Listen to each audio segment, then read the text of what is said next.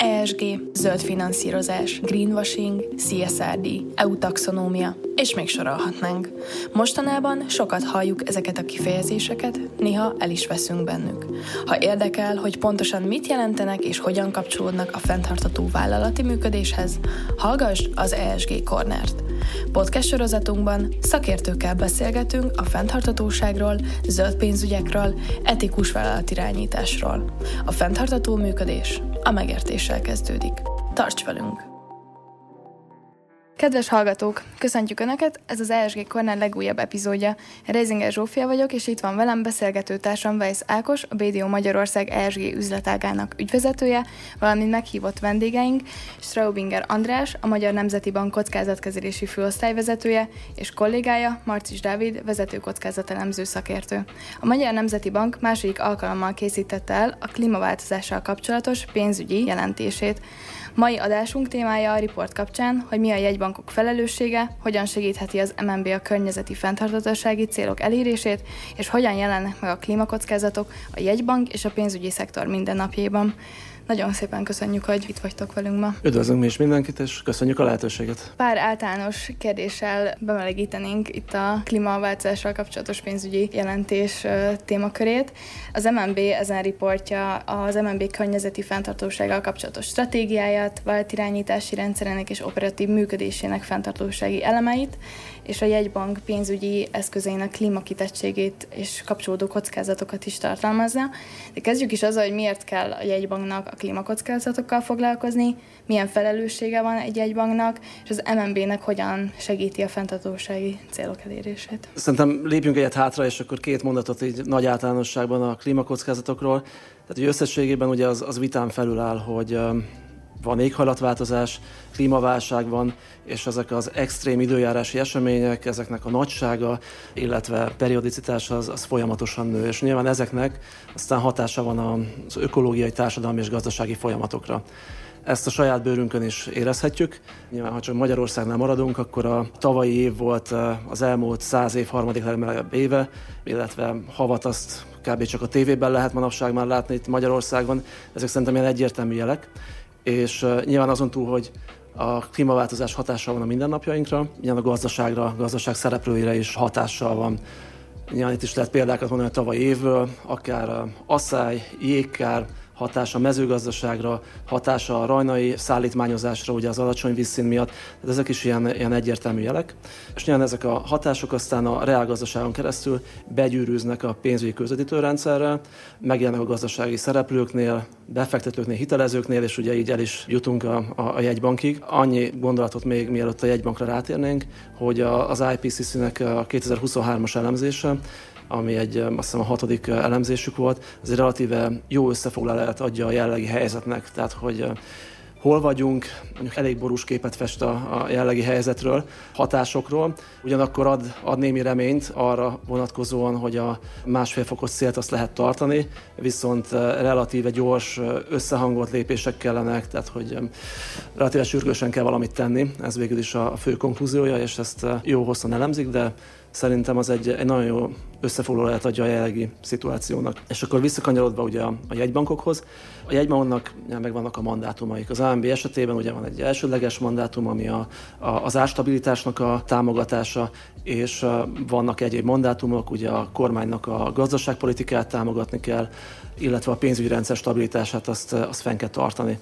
Nyilván már a korábbi bevezetőből úgy le lehetett vonni a következtetést, hogy a jegybank azért érintettek, illetve az MNB azért érintett, mert a klímaváltozásnak, az éghajlatváltozásnak ezekre a mandátumokra van egy egyértelmű hatása pár példát csak elmondva, eh, akár amikor arról beszélünk, hogy asszály és mezőgazdaság, akkor infláció egyből jön, akár hogyha arról beszélünk, hogy átállási kockázat, fosszilis tüzelőanyagok, és ezeknek a hatása az energiaárakra, újra ott vagyunk az inflációnál, de hogyha a másodlagos mandátumokról vagy célukról beszélünk, ott is igazából a bankrendszer kitettsége azért jelentős, hiszen hogyha van egy cég, akinek a működésére hatással van ugye a klímaválság, akkor eh, hiteltörlesztési képessége az egyetemen érintett, és akkor innentől kezdve nyilván a bankok is érintetté válnak eszközértékeken, a lakosságon, illetve ez a vállalati, vállalati csatornán keresztül, és akkor ott vagyunk a pénzügyi rendszer stabilitásánál. Tehát ezeket a transmissziós csatornákat így viszonylag jól lehet azonosítani. Az AMB-ről még annyit, hogy az AMB esete az részben speciális és egyszerű, hiszen 2021-ben hogy a parlament döntött a zöld mandátumról, tehát hogyha nem lenne triviális, vagy nem lenne egyértelmű az, hogy a,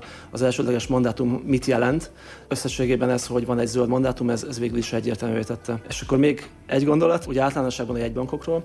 Azért összességében az, hogy a jegybankok foglalkoznak, illetve kötelessége foglalkozni a klímaváltozással, a klímakockázatokkal, ugye most az így jegybanki körben egy ilyen mainstream megközelítés. Viszont az igazsághoz tartozik, hogy ez, ez nem mindig volt így. Azért korábban megjelentek olyan ellenérvek, hogy a jegyban foglalkozzon csak az inflációval, egy valamire koncentráljon, energiapolitika, energetika, azért az egy fiskális feladat, a jegybanknak ott nem biztos, hogy van keresni valója. Ugyanakkor az elmúlt években, most azon túl, hogy az MNB esetében van egy deklarált zöld mandátum, de a többi jegybanknál is azért sokat tisztult a kép, tehát hogy jogértelmezések lettek arra vonatkozóan, hogy, hogy egy mandátum az mire vonatkozik, hogy kell értelmezni, illetve ezek a kapcsolódási pontok az inflációval például azok elég, elég látványosak.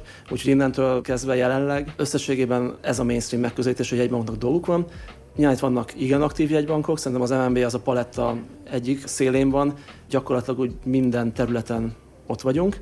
Itt is tudnék jó sok példát mondani, de szerintem hogy lesz később kérdés, amikor ezekre kitérünk.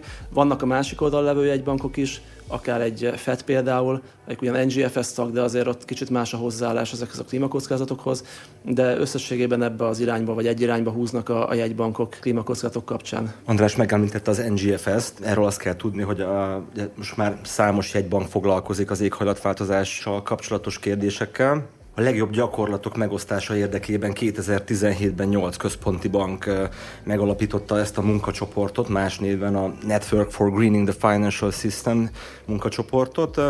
Ennek immáron 121 központi bank és pénzügyi szabályozó hatósága tagja, köztük az MNB is. Több szekció létezik, amely a klímaváltozással kapcsolatos kérdéseket különböző aspektusokból tárgyalják, szabályozástól, módszertani kérdésekig a kollégák is aktív tagjai ezeknek a munkacsoportoknak. Menjünk is tovább talán abba, hogy, hogy, hogy nem olyan régen jelent meg a kockázatokkal kapcsolatos, klímaváltozás kockázataival kapcsolatos riportja a Magyar Nemzeti Banknak.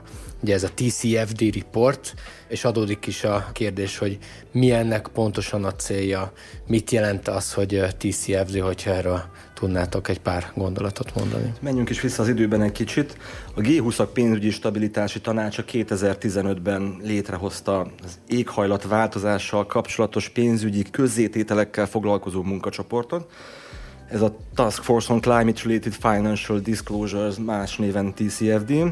Ennek az a célja, hogy ajánlásokat fogalmazzon meg a klímaváltozással kapcsolatos nyilvánosságra hozatali jelentések vonatkozásában ezáltal is elősegítve a tájékozottabb befektetési, hitelezési, illetve biztosítási döntéseket a piaci szereplőknek végül is egy ilyen segítségnyújtás, hogy egységes keretrendszerben kaphatnak információkat, felmérhetik az üvegházhatású gáz koncentrációját a, a pénzügyi portfóliókban, befektetési portfóliókban. Miért fontos ez? Miért jött létre ez a testület? Én úgy, úgy fogalmaznám meg a TCFD jelentőségét, hogy volt egy állapot pár éve, ami arról szólt, hogy előjött a éghajlatváltozás fontossága, előjött az, hogy a klímaváltozással, a válsággal foglalkozni kell, és elindultak ugye a zöld kötvények, adat az nem volt, módszertan nem volt, és innen kellene abba az állapotba eljutni, ahol még mindig nem vagyunk, de már haladunk felé, hogy ugye vannak adatok, vannak módszertanok, ezek összehasonlíthatók, robosztusak, automatizáltan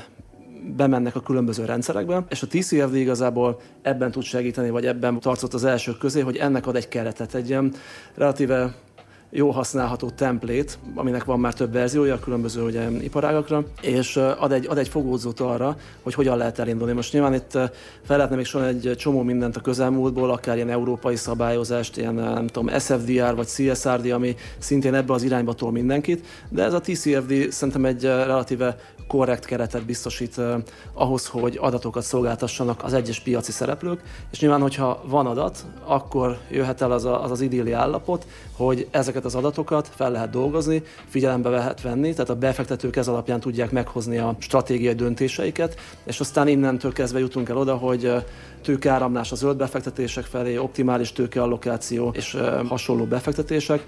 Mm, illetve van még egy ilyen kulcsfogalom, ami, ami szerintem minden egyes ESG beszélgetésben előjön, hogy ez a greenwashing. Nyilván csak megfelelő adatokkal, illetve összemérhető adatokkal, standard adatokkal lehet azt elérni, hogy a greenwashing elkerülhető legyen, tehát ne visszaélésszerű legyen ez a zöldítés, hanem tényleg legyen mögötte valami. Ja, azt látjuk, hogy mind az európai szabályozás, mind a nemzetközi standardok abba az irányba mennek, hogy egyre több adatra van szükség, egyre komplexebb az adatrendszer, amit a vállalatoknak gyűjteni kell standard szerint, vagy pedig majd kötelezettség lesz akár, hogyha az európai szabályozásra gondolunk, tehát egy rendkívül adat és információ igényes munkáról van szó, de milyen területeket kell egyébként egy ilyen riportnak lefedni? A TCFD report alapvetően négy blogból, négy modulból épül fel. Az első a vállalatirányítás, amely a, a szervezetnek, aznak a döntéshozó testületeinek a bemutatását adja, a felsővezetők szerepét a klímakockázatokkal kapcsolatos kérdések megvitatásában. A második blokk a stratégia, a harmadik a kockázatkezelés. A jelentésben az egyik legnagyobb kihívás, az utolsó, a mutatószámok, különösen az UHG kibocsátás, illetve intenzitási számítások bemutatása jelenti, és még ennél is nehezebb a célkitűzések, vállalások meghatározása és azok nyomon követése. A TCFD report az nem egy egy szentírás, hogy ez még viszonylag új műfaj, új területnek számít, így van mozgástér a jelentés tartalmának kialakításában fokozatosan lehet újításokat bevezetni. Én egy gondolattal egészíteném ki, mert szerintem is a kulcskérdés az nyilván a mutatószámokhoz, meg a mérőszámokhoz, targetekhez kapcsolódik, de amúgy összességében a TCRD az egy relatíve jól vagy logikusan felépített keretrendszer. Például a governance, ami egy ilyen mostoha gyerek szokott lenni, hogy jó, persze majd működünk valahogy, de mondjuk az MB példából kiindulva, van sok különböző terület, akár mint a monetáris politikai ág, vagy a felügyeleti ág, sok különböző igazgatóság van, sok kolléga foglalkozik a klímakockázattal, vagy akár csak zöld pénzügyekkel. Tehát ez egy viszonylag fontos lépés volt az elején, amikor ugye az MNB is elindult ezen az úton, hogy ezek az ágak összehangolásra kerüljenek, tehát hogy ki dönt, hogy lehet a szinergiákat eh, kiaknázni, párhuzamosságokat elkerülni, akár egy, egy adatbeszerzés kapcsán, tehát hogy ne az legyen, hogy itt eh, párhuzamosan folynak a különböző történések, és aztán eh, hatékonytalan lépések lesznek a végén. Szóval a lényeg, ami lényeg, szerintem jól ki van azért összességében találva az a TCFD, és, és ezért is számunkra ez egy jó iránynak tűnt TCFD riportot publikálni, vagy TCFD alapelvek mentén riportot publikálni. Ugye ez most már a második ilyen riport, amit a, a jegybank kiadott ebben a témában, és azok alapján, amit elmondhatok, látszik, hogy ez egy nagyon komplex gyakorlat. Mik voltak a nehézségek, mennyi munkát vett igénybe egy ilyen riportnak az összeállítása? Igazából ugye nyilván az első riportnak a megalkotása a legnehezebb, tehát mikor nulláról kell valamit felépíteni. És ilyen értelemben nálunk is az első, tehát a tavalyi report volt az, ami, ami a legnagyobb kihívás volt. Azért, mert visszatérve a governance mögötte meg kell alkotni a struktúrákat. Ez egy dolog, hogy kitaláljuk, hogy kb. miről szól, de ezt le kell egyeztetni a szervezeten belül. Egy nagy szervezet vagyunk, sok elemzővel, sok jóváhagyóval, tehát minden felsővezetőt ugye meg kell járnia ezeknek a gondolatoknak, illetve magának a projektnek is. És igazából a projekt szervezettel indult, ha így fogalmazhatok, tehát hogy azonosítottuk az MNB-n belül, hogy ki az a két terület, nyilván az egyik a felügyeleti oldalon lett, a másik a mi oldalunkon, akik felelősek lesznek a TCFD reportért, és onnantól kezdve ez a projektvezetés határozta meg a, a menetet, a mérföldköveket, kiket kell mikor bevonni, és indult el a munka. És magának a munkának a legnehezebb része az ezt követően jött, az, hogy valamilyen számokat, mutatószámokat, mérőszámokat találni, elérni, és ezt úgy szintetizálni, hogy reprezentatív legyen az MNB-re nézve, mondjon valamit, tehát hogy tényleg legyen mondani valója, értelmezhető legyen, és nyilván olyan szemmel is kutattunk ennek neki a legelején, hogy lehetőség szerint azért évek közt is összehasonlítható legyen. Tehát ne az legyen, hogy egyik évre a másikra egy teljes mutatósorcsere, és aztán időben nem lehet ezeket összehasonlítani. Teszem hozzá zárójelben, hogy biztos lesz a későbbiekben szó. Azért a piac az, az relatíve fiatal, különösen az adatszolgáltatók piaca, meg az adatszolgáltatók ökoszisztémája, hogyha fogalmazhatok így. Tehát az, az biztos, hogy, hogy az évek során a piaci legjobb gyakorlatok, azok változni fognak, az adatszolgáltatók változni fognak, a piac tisztulni fog, a mi mutatóink is folyamatosan változnak, hiszen tavalyhoz képest is minimálisan változtak, vagy a lefedettség módosult, vagy valahol pontosítottunk. Nyilván akkor visszamenőlegesen mindent ki kell számolni, hogy valami összehasonlíthatóságot biztosítsunk.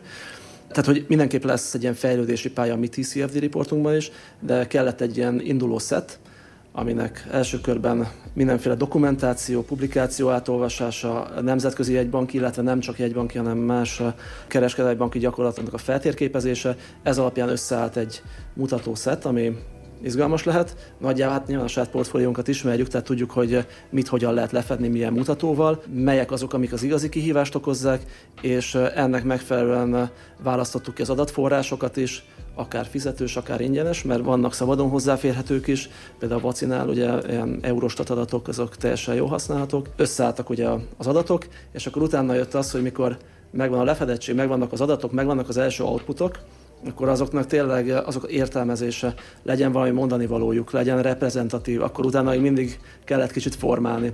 És onnan jutottunk el oda, hogy akkor megvolt az első szett, és aztán az megjárta a bankot, a különböző szakterületeket és felsővezetői fórumokat, hogy egyáltalán tényleg legyen egyértelmű döntés, hogy mivel akarunk foglalkozni, mert ez mégiscsak az van, hogy devizatartalékról amúgy az éves jelentésben publikálunk úgy körülbelül két oldalt, és, és ez, a, ez a publikálás, és ez egy általános jegybanki megközelítése, viszonylag szűkszavúak a jegybankok, elmondják, hogy szuverén kitettség, likvidek vagyunk, biztonságosak vagyunk, mindenki nyugodjon meg. Ezért itt mégiscsak itt fejezeteken keresztül elmélkedünk a, a devizatartalékról, de erre azért kellett egy jóváhagyás, hogy akkor ilyen értelemben egy növekvő transzparencia lesz a rendszerben, hogy ez tudatosuljon.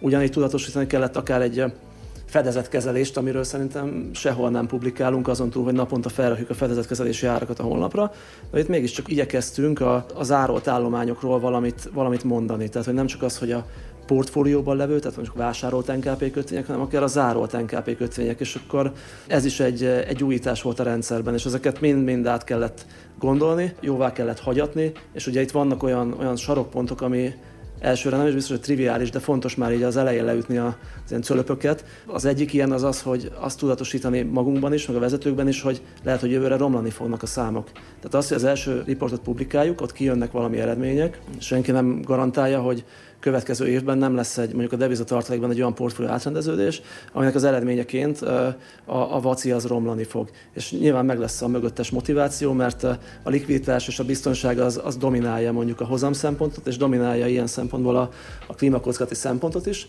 De hogy ezt tudatosítani kellett magunkban, hogy ez romolhat. Aztán persze majd meglátjuk, meg persze igyekezni kell, meg lehet zöld célokat kitűzni, de amíg nincsenek ilyen értelme dedikált zöld célok, addig, addig ez előfordulhat. Szóval ott um, elég sok, elég sok um, gondolkozás volt, és, és jó sok hónapot vett igénybe önmagában a keretek megalkotása, és aztán onnan, hogy a keretek megvannak, eljutni oda, hogy megvan az utolsó szög is, tehát hogy kitaláltuk, és utána még volt jó pár kör, hogy akkor mindent, mindenki jóvá hagyjon és engedélyezze megjelenést. A második riport az már egy fokkal könnyebb, mert ott megvannak az alapok, megszülettek már a döntések, megvannak a keretek. A másodiknál inkább az volt a szem előtt, hogy hogyan tudunk javítani a lefedettségen. Hol vannak olyan, hogy mutatót váltani, mert most már valami jobb van, valamit pontosabban tudunk. Esetleg megjelent egy új tanulmány, ami azt mondja, hogy ne úgy mérjük a vacit, hanem, hanem úgy mérjük a vacit.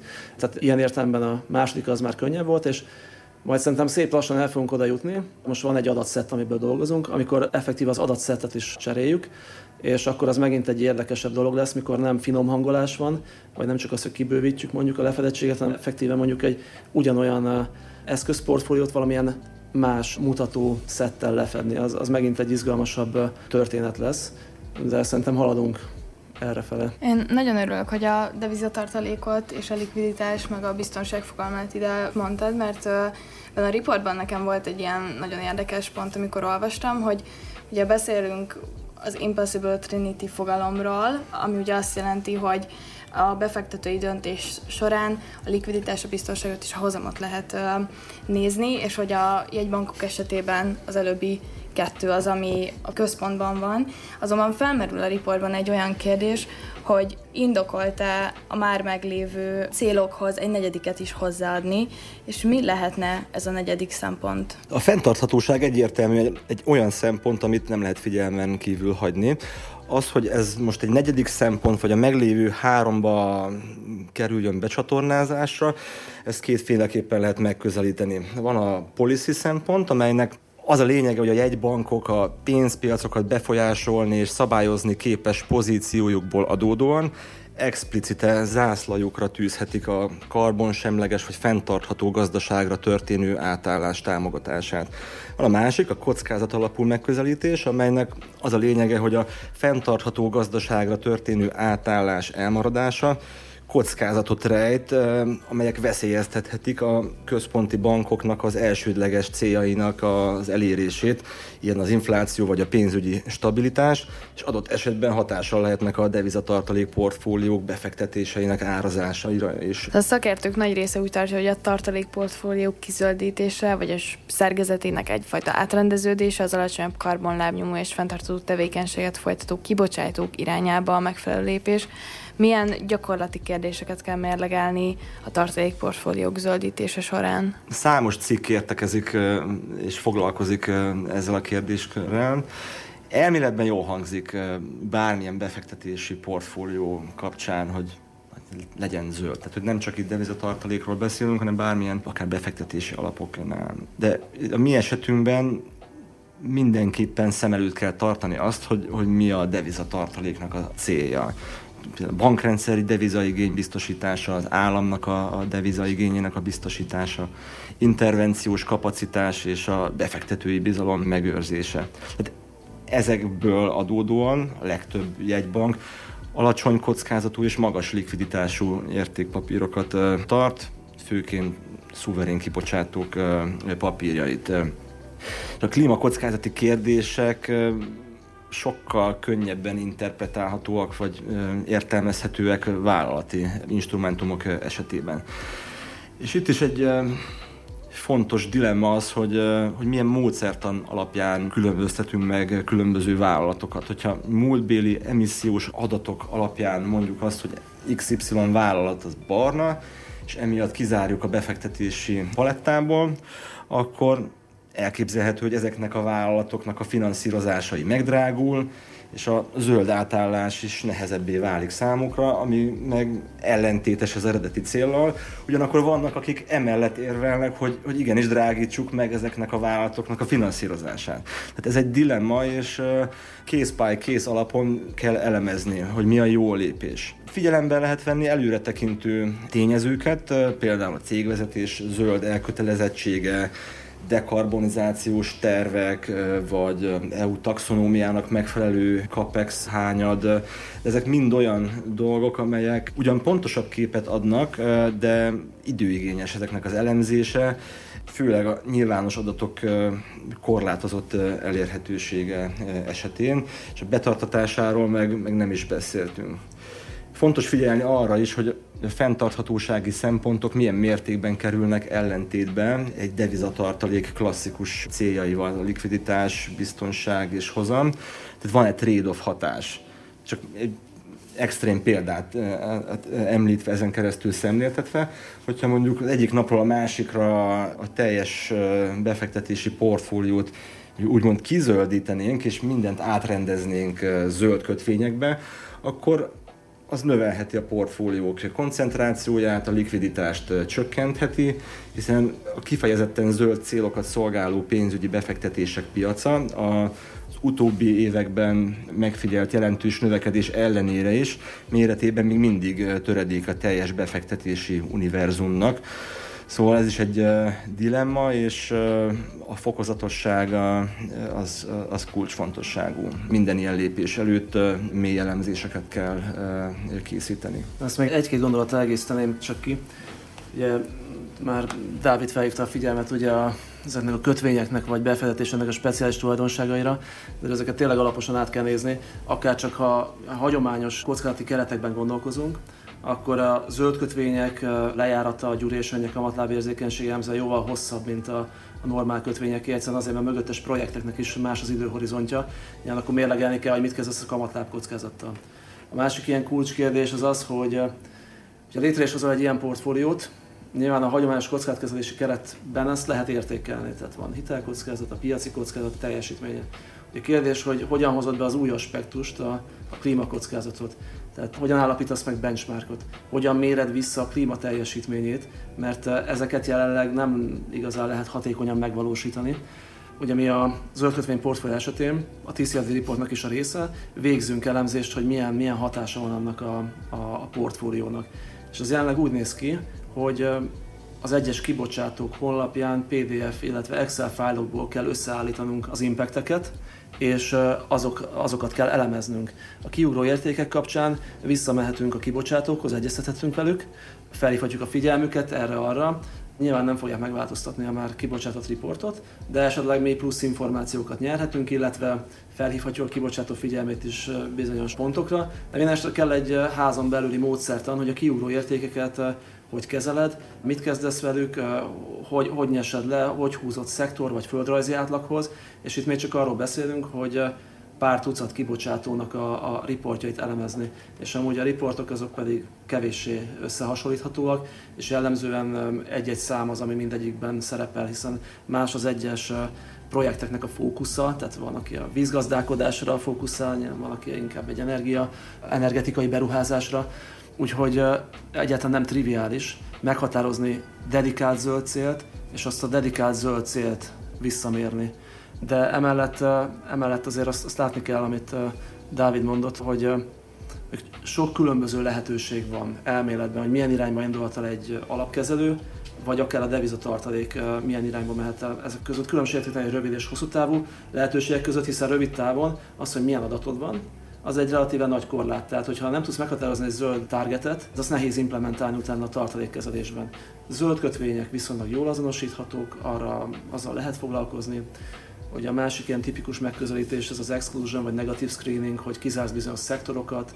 Ezek is relatíve jól alkalmazhatók, itt is már vannak bizonyos korlátok, illetve elméletbeli dilemmák, de az, hogy, az, hogy mondjuk ilyen tilting stratégiába belefogni, bizonyos mutató mentén átsúlyozni a portfóliót, ott az adatok sem feltétlenül támogatóak, illetve az az elméleti háttér, hogy akkor biztosan ezt kellett csinálni ebben a formában, figyelme véve, hogy a tartaléknak van azért egy elsődleges célja, hiszen mégiscsak az van, hogy likviditással kell rendelkezni a bankrendszer számára, az állam számára és egyebek. Persze itt is lehet említeni példákat, tehát a svéd jegybank, az LKB és a Bank of England is bejelentették, hogy a monetáris politikai célú vállalati kötvényállományuk kialakítása során valamilyen módon figyelembe veszik a klíma és fenntarthatósági szempontokat, de ezeknek az igazi részletei azok, azok nem publikusak. Mi is próbáljuk követni, értelmezni, elemezni más egy bankok gyakorlatát. Ja, a klímakockázatokról elkezdtünk itt beszélni, és hogy milyen szempontokat érdemes vizsgálni befektetések során, és ugye két nagy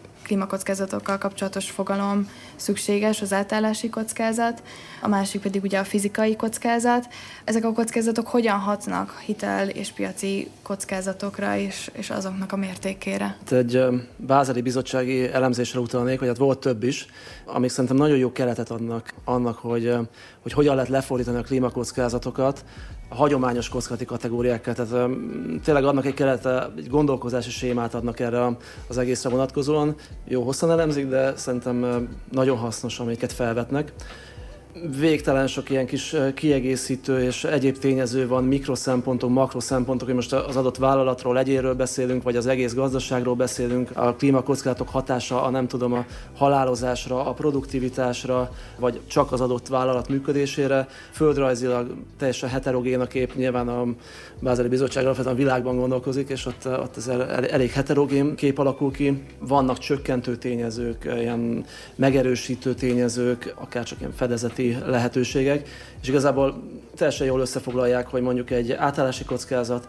egy fizikai kockázat, az hogyan tudhatni egy vállalatnak a hitelképességére, piaci kockázataira, stb. Erre egy-egy példát akkor mondanék. Tehát akár mondjuk a hitelkockázatnál elindulva, nyilván egy átállási kockázat, hogyha egy, egy cégnek a, a működését érinti, akkor egyszerűen a jövedelmező képessége romlik, akár hiteltörlesztési képessége romlik, és már meg is érkeztünk ugye a csőd valószínűséghez és a csőd valószínűségnek az emelkedéséhez.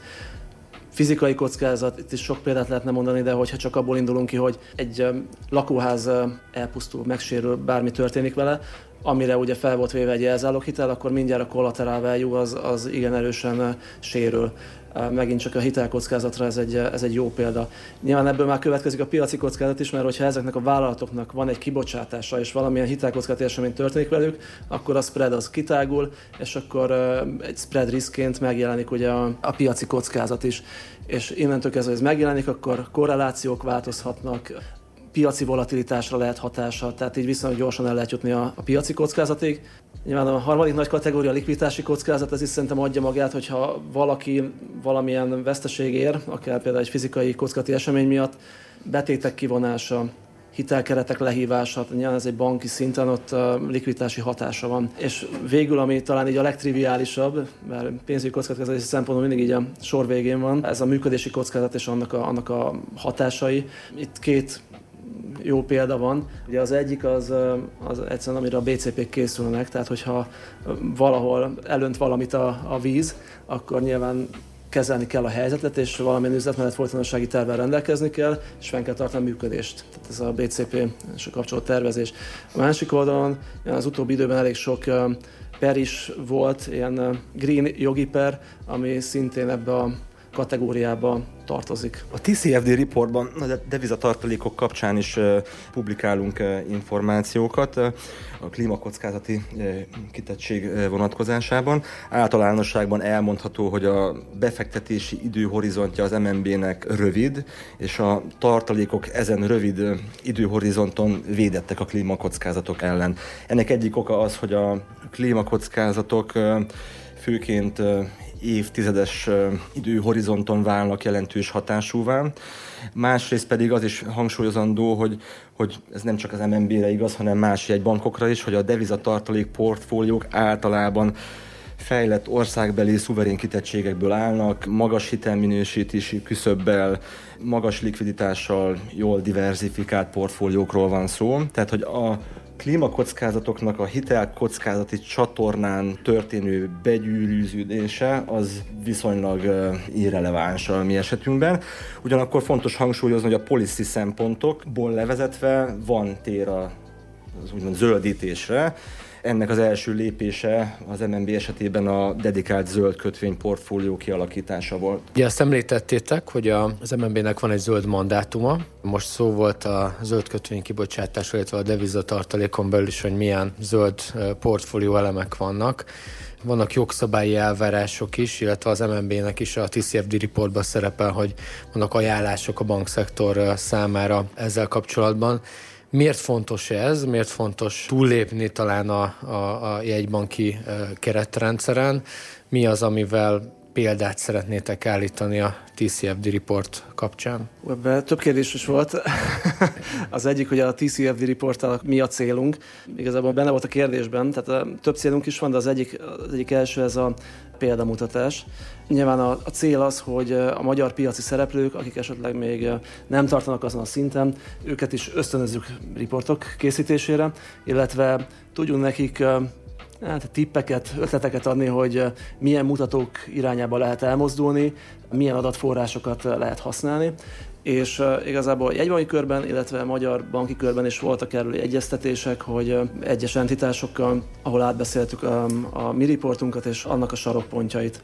A TCFD-nek emellett van azért több más szerepe is az MNB életében, hogy az egyik, egyiket talán úgy lehetne megragadni egy interakció. De egyrészt szeretnénk hatni a piacra, szeretnénk példát mutatni, szeretnénk őket ösztönözni, ez, ez tiszta sor. Ja, a másik oldalon nekünk is képbe kell lennie, hogy mi történik a piacon, mik a kihívások, mire kell akár nekünk választani egy szabályozás révén, vagy, vagy bármilyen módon. Tehát kell ez a visszacsatolás is, és ezt meg úgy lehet elérni, hogyha foglalkozunk ezzel. Tehát, hogy az elefántcsont toronyból kilépve aktívan részt kell venni, és riportokat kell gyártani. A másik szempont pedig, egy jegybank esetében furcsán hangozhat, de ez a tanulási szempont. Azért ez egy új piac, ez egy új biznisz, ugye az egész zöld piac, zöld pénzügyek. Nyilván erről beszéltünk is, hogy adatok is, módszertanok is azért még fejlődőben vannak.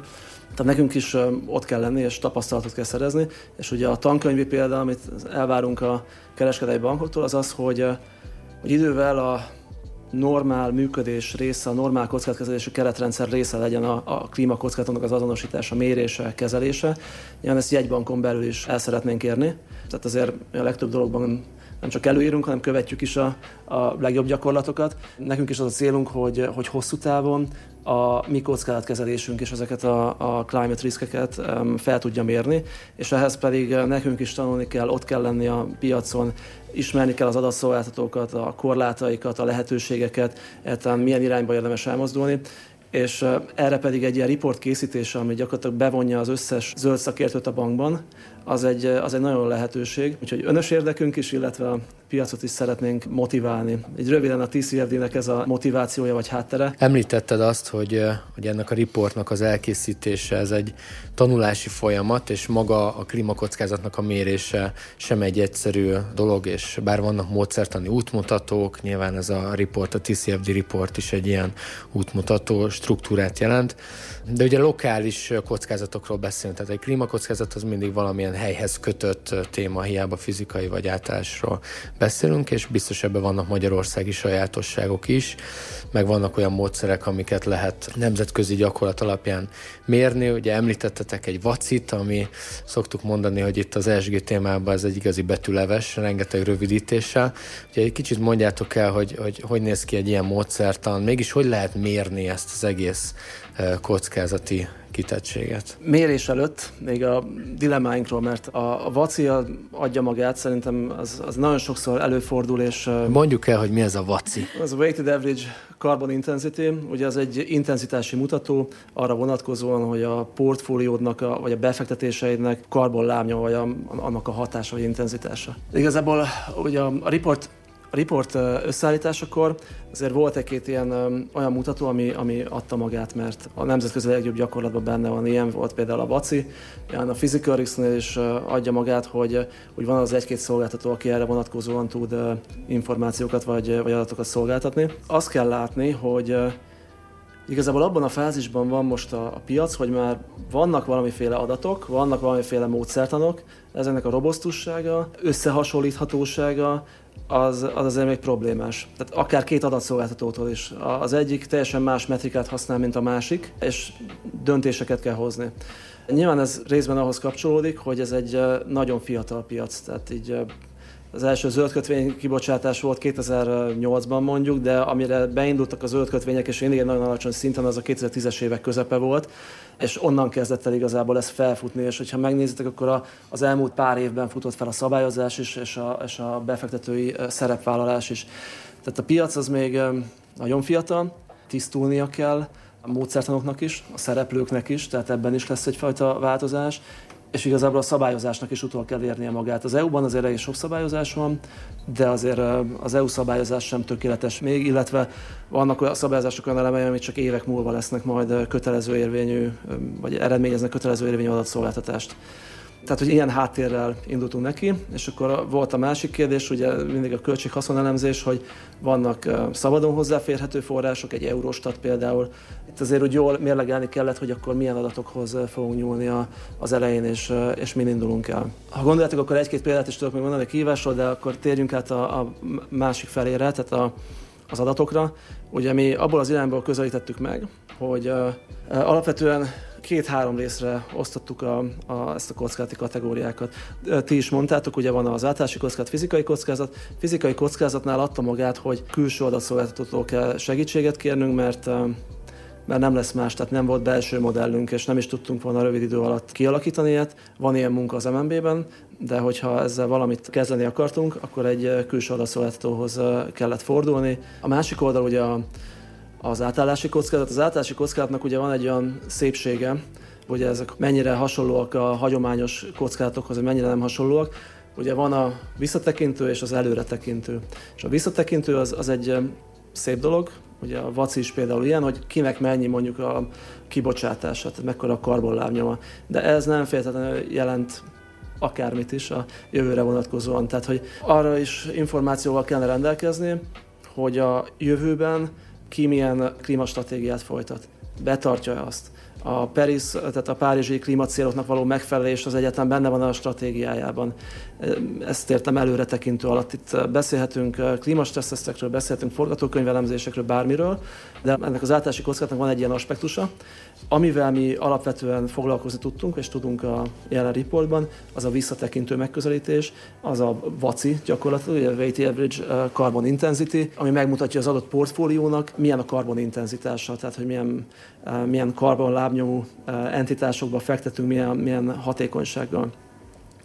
Ezt szerintem sokan számolják, ez, ez adta magát, erre egy általános vagy mindenki számára elérhető adatforrásokat használtunk, sokszor említett Eurostat, de mindenféle statisztikai adatok alapján lehet itt eljárni, nyilván a GDP-ről, vagy akár ilyen szektor alapon, hogy mi az egyes szektoroknak a karbonlábnyoma vagy karbonintenzitására vannak elérhető adatok. Szerettünk volna a jövőre mutató elemzésekkel és ilyen előretekintő elemzéseket is készíteni, saját forgatókönyvelemzés, illetve stresszenáriókat nem alkottunk meg, viszont egy-két alternatív forrást azért mindenképp szerettünk volna, és találtunk is. Az egyik ilyen ugye az a Climate Action Trackernek a, az alkalmazása. Ők egy nemzetközi szervezet, akik mindenféle klímaszenárió alapján elemzik az egyes szuverén államoknak a törvényi hátterét, vállalásaikat, és hogy mennyire teljesülnek ezek a vállalások, és az alapján mondanak egy ítéletet, hogy a különböző szenáriók alapján hol várható annak a szuverénnek a teljesítménye. És ez egy ilyen teljesen jó előretekintő mutató. És mivel mi alapvetően a szuveréneket tudtuk, és tudjuk egyelőre elemezni, mondjuk a devizatartalék kapcsán ez így, ez így passzolt és um, ilyen szempontból közelítettük meg a, a mutatókat, tehát hogy próbáltunk mind a három területet lefedni, Nyilván a jövőben az a cél, hogy ezt fejlesszük, hogy lehet fejleszteni, akár a korporát irányba való elmozdulás, tehát a, a devizatartaléknak ugye a szuverénre számoltunk különböző mutatókat, remélhetőleg majd a közeljövőben tudunk vállalatokra is, akár a mutatók terén való elmozdulás, az előre tekintő elemzés az, az ne csak a szuverének estében mondjuk egy ilyen Climate Action Tracker, vagy a, az International Energy Agency-nek is vannak ilyen elemzései az energiamixekről, tehát az egy szuverének energiamixéről, hanem akár amilyen nagyon ismert, ez a Paris Alignment, tehát hogy ki mennyire, melyik vállalat mennyire aligned, tehát hogy mennyire tartja be vagy tartja szem előtt a párizsi klímacélokat. És ez is egy jó indikáció arra vonatkozóan, hogy mennyire barna vagy zöld befektetései vannak a jegyban, de ez a jövő zenéje, és igazából, amit mondtam is, a TCLD report egy ilyen folyamatos fejlődés és, és előrelépés. Ahogy említetted, devizatartalék kapcsán a szuvenírénekre vannak adatok azért. Nyilván magyar vállalatok esetében talán kevesebb az elérhető adat, és ugye a TCFD reportban az NHP portfóliót is elemeztétek, ami ebből a szempontból szerintem érdekes, mert uh, mégiscsak arról van szó, hogy, uh, hogy vállalati hitelkitettségekre kell valamilyen klímakockázati számítást mondani. És ez az, azért is érdekes szerintem, mert a BDO-nál is csináltunk egy kutatást, azt néztük meg, hogy az átállási kockázat mennyire érinti a magyar gazdaságot. És mi azt találtuk, hogy 8 ágazat felel a karbonkibocsátás több mint 90%-ért Magyarországon, és ennek a 8 ágazatnak egyébként a GDP hozzáadott értéke az 60%, tehát hogy nagyon-nagyon magas direkt érintettség van az általási kockázat kapcsán.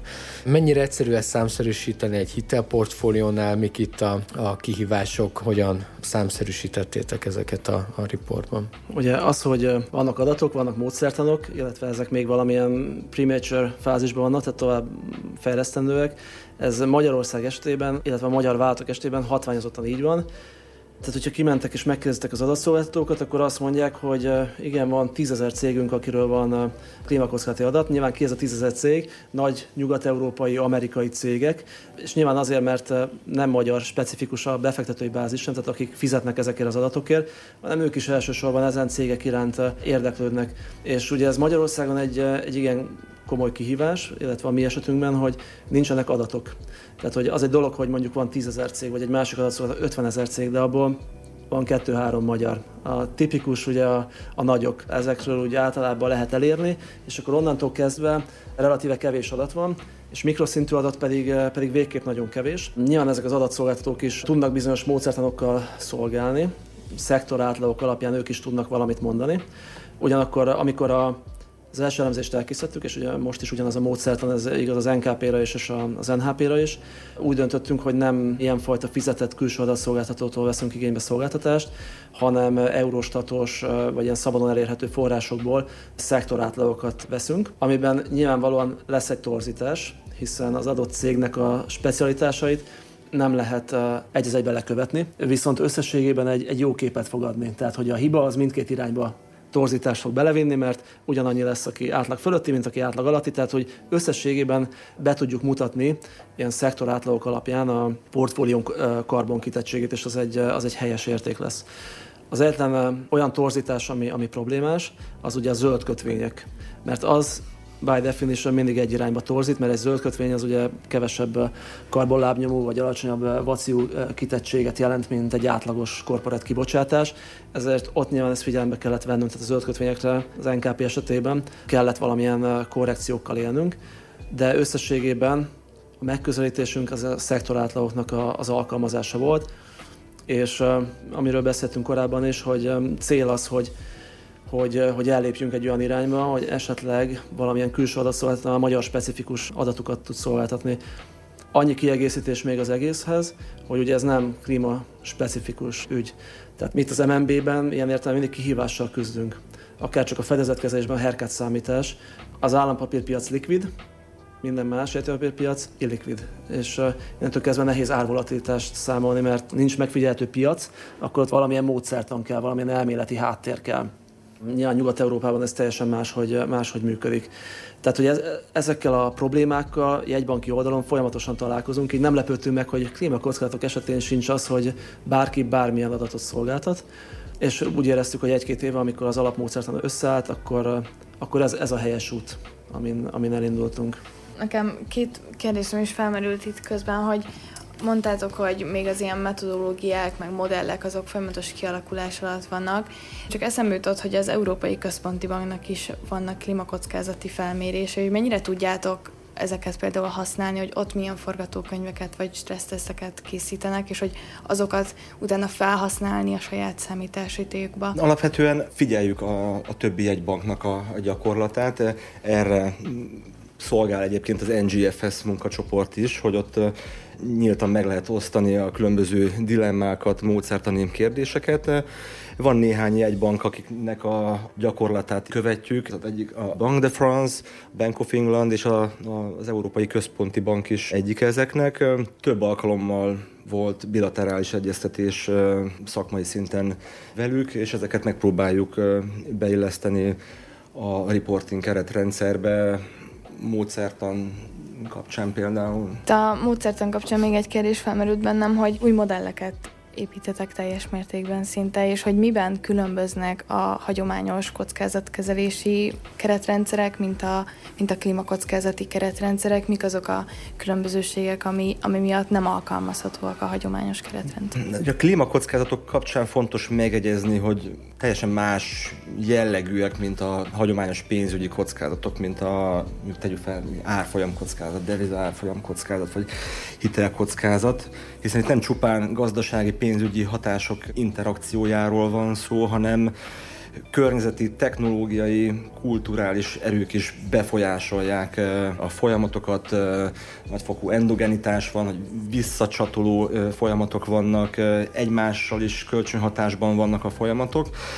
Ez a klímakockázatok különleges tulajdonságai miatt a hagyományos kockázatkezelési keretrendszerek nem alkalmazhatóak, vagy módosításra szorulnak. Egyik ilyen, hogy a tradicionális kockázatkezelés alapvetően amilyen historikus megfigyelésből, adatokból indul ki, ezt próbálja kivetíteni a jövőre, forgatókönyvelemzések, a tradicionális kockázatkezelés olyan módszertanokat használ a pénzügyi kockázatkezelésen belül, amelyek széles körben elfogadottak, jól interpretálhatóak, és a robosztusság ugye az, az egy fontos kritérium, hogy megfelelő adat álljon rendelkezésre. Illetve még azt is hozzátenném, hogy itt a klímakockázatok kapcsán a vastag szélű eloszlás a jellemző, a fat tail distribution, illetve nem lineárisak ezek a kockázatok, visszafordíthatatlanok, pénzügyi kockázatokkal ellentétben. És még egy gondolat, ami eszembe jutott, hogy ha kockázatokról beszélünk, akkor mindig valamilyen bizonytalanság jut eszünkbe, ha forgatókönyv elemzést használunk, akkor valamilyen legrosszabb szkenárió bekövetkezésének hatását mérjük. Ez a bizonytalanság itt is megjelenik, hogy a kockázatok bekövetkezésének részletei ismeretlenek, Egy valamiben más hogy azt viszont teljes bizonyossággal állíthatjuk, hogy az átállási és fizikai kockázatok bekövetkezése, materializálódása valamilyen kombinációban elkerülhetetlen. Tehát ez van, ez, ez lesz, ez, ezzel együtt kell élni, ha tetszik, ha nem. Az időzítése, a súlyossága és a későbbi kezelhetősége attól függnek, hogy miként reagálunk rájuk ma. Tehát amennyiben a Párizsi Klímaegyezmény célkitűzéseit sikerül elérni időben, akkor a, világot egy magasabb átállási kockázat fogja meghatározni, amennyiben meg nem, akkor a fizikai kockázatok bekövetkezése fogja jellemezni a jövőnket, a gyerekeink és az unokáink életét, gondolok itt a szélsőséges időjárási körülményekre, és ennek a gazdasági folyamatokra, ellátási láncokra való felmérhetetlen hatásaira. Ezt egy, egy gondolattal egészíteném ki. Ugye ez, ami befektetői szempontból is egy, egy kihívás, ez pedig az időhorizont kérdése. Ugye a, a Mark Carney, a korábbi Bank of England elnöknek volt ez a gondolata, a horizontok tragédiája. Tehát, hogy arról beszélünk, ugye, hogy több évtizedes időhorizonton be fog valami következni. Tudjuk, hogy bekövetkezik, nem tudjuk, hogy pontosan hogyan, meg mikor, míg a befektetői oldalon egy jóval rövidebb időhorizontban gondolkozik mindenki. Tehát akár ugye mondjuk a devizatartalék esetén a jellemző duration, az mondjuk egy-két év. Nyilván ez a amiről korábban is beszéltünk, hogy ez eléggé védetnek tűnik mondjuk egy 20-30-40 év múlva bekövetkező fizikai kockázati esemény vonatkozásában.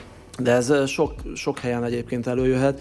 Előjöhet akár abban is, hogy, hogy milyen modelleket használsz. Ugye itt az adatszolgáltatók azért már jó párat láttunk az adatszolgáltatók közül. Vannak olyan modellek, hogy 50 évre előre becsülnek, és, és abból vonnak le következtetéseket a jelenre, ami nyilván van némi bizonytalanság benne, mert a hagyományos kockázatkezelés vonatkozásában már egy sima pár hónapos hozamelőrejelzés és komoly kihívásokkal küzd, hogy akkor merre fognak menni a hozamok vagy a spreadek. Itt pedig arról beszélünk, hogy több évtizedre előre kell valamit megbecsülni, és, és ez azért egy, egy komoly kihívás, tehát ez az időhorizontoknak a, a tragédiája. Abszolút, ez kapcsolódik a kérdésem is, hogy végigmentünk a módszertanon, hogy milyen dilemmák vannak, hogyan néz ki a report, miért fontos mérni ezeket a, ezeket a paramétereket. Ugye kihívás az időtár, szerintem ez nagyon fontos látni az, hogy igazándiból itt egy kiszámítható folyamat abból a szempontból, hogy tudjuk, hogy be fog következni, de mégis kiszámíthatatlan abból a szempontból, hogy nem tudjuk a mértékét és az időhorizontját. Hogyan épül mégis mindez be az MNB-nek a döntéshozatalába? Beépül-e ezek miatt a bizonytalanságok miatt, vagy, vagy talán még korai ezzel ilyen szinten foglalkozni, és még több adatra, még finomabb módszertanra van szükség ahhoz, hogy, hogy utána ez akcióként is, és beépüljön egy, egy jegybanki döntéshozatalba. Hát én ezt onnan, onnan indítanám, hogy ha elfogadjuk azt, hogy egy bankoknak a klímakockázatok terén feladata van, már pedig ez a kiinduló pont, ez benne van a mandátumunkban, akkor onnantól kezdve ezzel foglalkozni kell. Az egyik bank így áll hozzá, a másik úgy, tehát nincsenek ilyen one size fits all megoldások. Nyilván az MNB-nek vannak különböző területei, saját működés, felügyelet, monetáris politika, és minden egyes terület kapcsán elvárás az, hogy, hogy felmérésre kerüljön, hogy a klímakockázatok mit jelentenek ezeken a területeken, hogyan kell kezelni, milyen lépéseket érdemes tenni ezek érdekében. Tehát ez, a, ez a, az alapgondolat, hogy van egy mandátum, a mandátumhoz kapcsolódnak célok, a célokat azokat lehet pontosítani, tehát le lehet vinni kicsit mikroszintre, és aztán meg kell találni, hogy, hogy milyen eszközök vannak, és azok, azok hogyan párosíthatók. Most a mandátumok adja magát. Árstabilitás, pénzügyi rendszer stabilitása, kormánygazdaságpolitikájának támogatása, de ezekből le lehet vezetni alacsonyabb szinten levő, vagy pontosabban meghatározható célokat is. És ugye az egyik kulcskérdés, amit itt a végére hagytam, ugye ez az optimális forrásallokáció, tehát hogy forrásoknak kell áramolni a zöld beruházások irányába, és jó lenne, hogyha megfelelő helyre. Nyilván ezt is az AMB szem előtt tartva a programjaiban ezt figyelme vett, és az pedig, hogy milyen eszközeink vannak, az egyrészt egy banki státuszból ered, másrészt a piaci körülmények határozzák meg. Tehát van egy felügyeleti águnk, annak van egy eszközszettje, van a Monpolág, annak van egy, egy eszközszettje, nyilván van a belső működés, ott is azért tudunk lépéseket tenni, és a monetáris politikai ágnál ugye zöld jelzálogvevásárlás, NKP-ban is vettünk zöld kötvényeket, volt a ZOP, ugye a, a zöld hitelek nyújtása, ezekkel mind, mind előléptünk.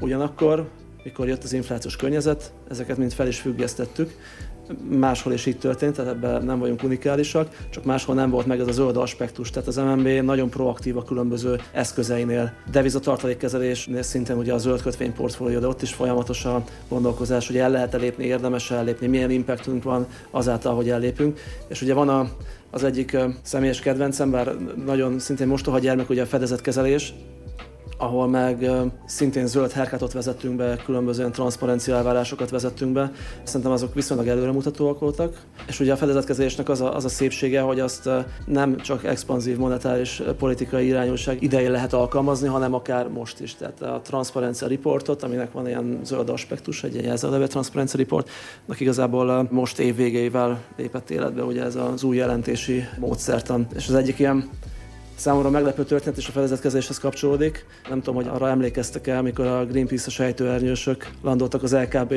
székházán, az már eleve meglepő volt, de mikor ezzel egy időben kijött, hogy a Greenpeace az LKB-nek a kollaterál menedzsmentjével kapcsolatban fogalmazza meg megállapításokat és javaslatokat, az pedig ilyen végső döbbenet volt, mert legalábbis számomra, mert uh, alapvetően ugye mindenki az eszközvásárlásról beszél és az egyéb aspektusokról, és a fedezetkezelés az mindig valahogy kicsit a háttérben marad, de ott um, elég erőteljesen az előtérbe került. Igen, az látszik, hogy nagyon sok építőeleme van ennek a témának, hogyha valaki abba vágja a fejszét valamilyen pénzügyi szervezet vagy vállalat, hogy egy hasonló gyakorlatot folytat le, és egy klímakockázati jelentést szeretne publikálni, mi lenne az a javaslat így két tanulmány után, amit ti megfogalmaznátok? Abban szerintem nincs vita, hogy a klímaváltozás generációnk egyik legnagyobb kihívása.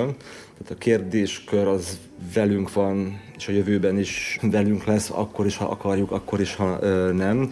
Egyre nagyobb a hangsúly ezen a kérdéskörön, a szabályozói elvárások és az üzleti modellek kapcsolódása egyre lényegesebb lesz.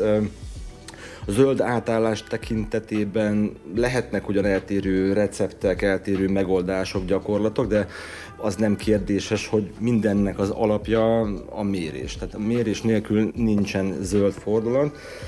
Minden intézménynek, az egyéneknek, intézményeknek és gazdasági szereplőknek felelőssége van ebben, és a méréssel kezdődik. Tehát én azt javaslom, vagy azt tanácsolom mindenki számára, ezek lehetnek egyébként egyének is, hogy kezdjenek el tudatosan foglalkozni ezzel a kérdéssel, nézzék át, mérjék fel, hogy milyen hatásuk van a, környezetre.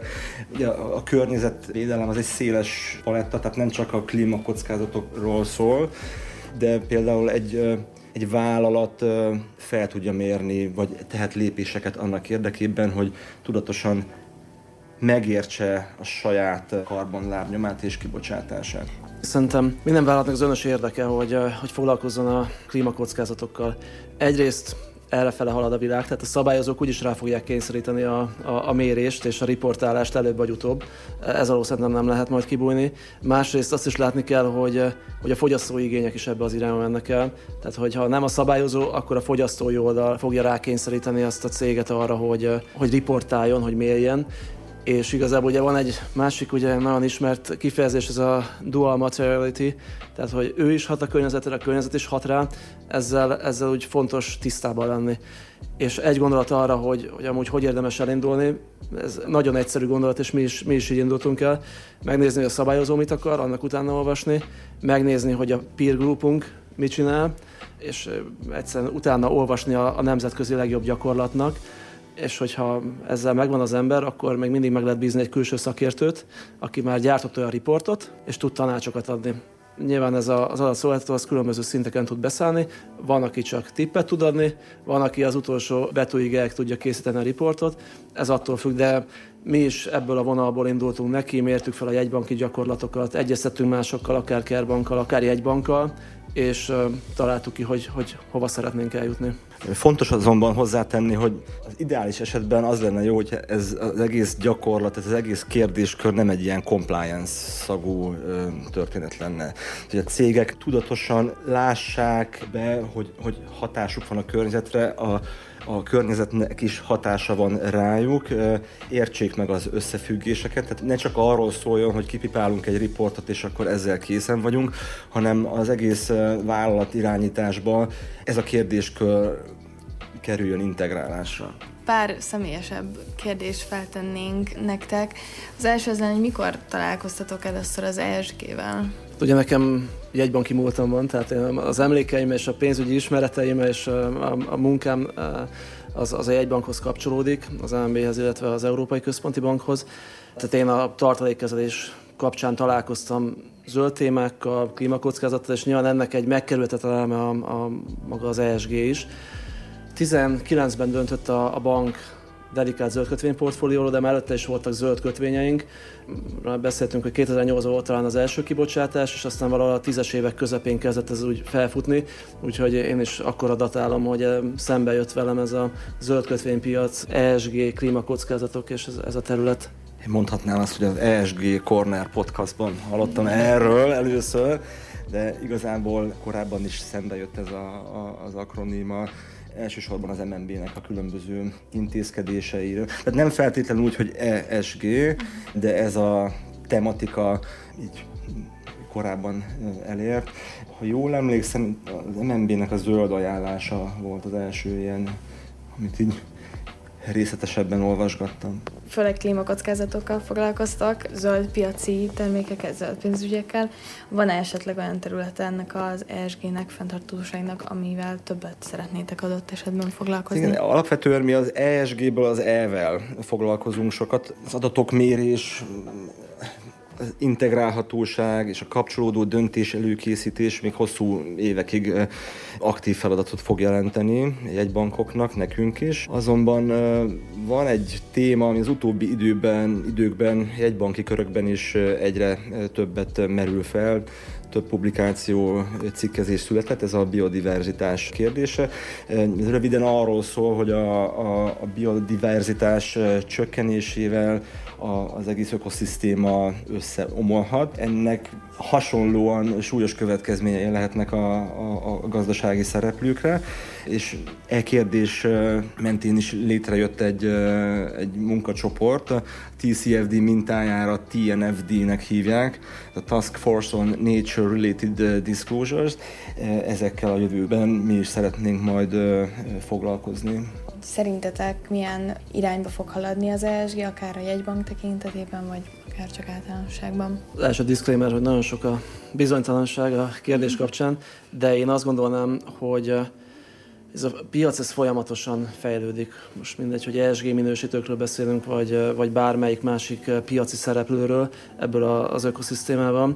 Én azt gondolom, hogy a szabályozás is fejlődni fog, egyre pontosabb lesz, a kapcsolódó reporting is fejlődni fog, a piac tisztulni fog, akár kibocsátok számában, akár csak módszertanokban, tehát egy pár év alatt majd ki fog kristályosodni, hogy mi lesz ez a tuti módszertan és adat, ami, amit mindenki elvár, és amit mindenki szolgáltatni fog és igazából szerintem ezen, a, ezen az úton már rajta vagyunk, tehát akár az európai szabályozással, ahol, ahol elég sokféle szabályozás van, tényleg a taxonómia rendelettől elkezdve, már van Green Bond label, tehát mindenfélére kitér már a szabályozás, de ahogy az ESMA is szóvá tette például az ESG minősítők vagy a piacával kapcsolatos problémát, erre reagált ugye a bizottság, volt egy konzultáció, nem sokára lesz majd egy, egy, egy javaslat ezzel kapcsolatban. Tehát szerintem ezen az úton rajta vagyunk, és tisztulni fog a kép nem sokára, és szerintem azt minden befektető, riportáló, így mi is nagyon várjuk, hogy egységesebb riportokhoz és kicsit automatizáltabb megközelítéssel tudjunk dolgozni. Nagyon szépen köszönjük. Köszönjük a beszélgetést.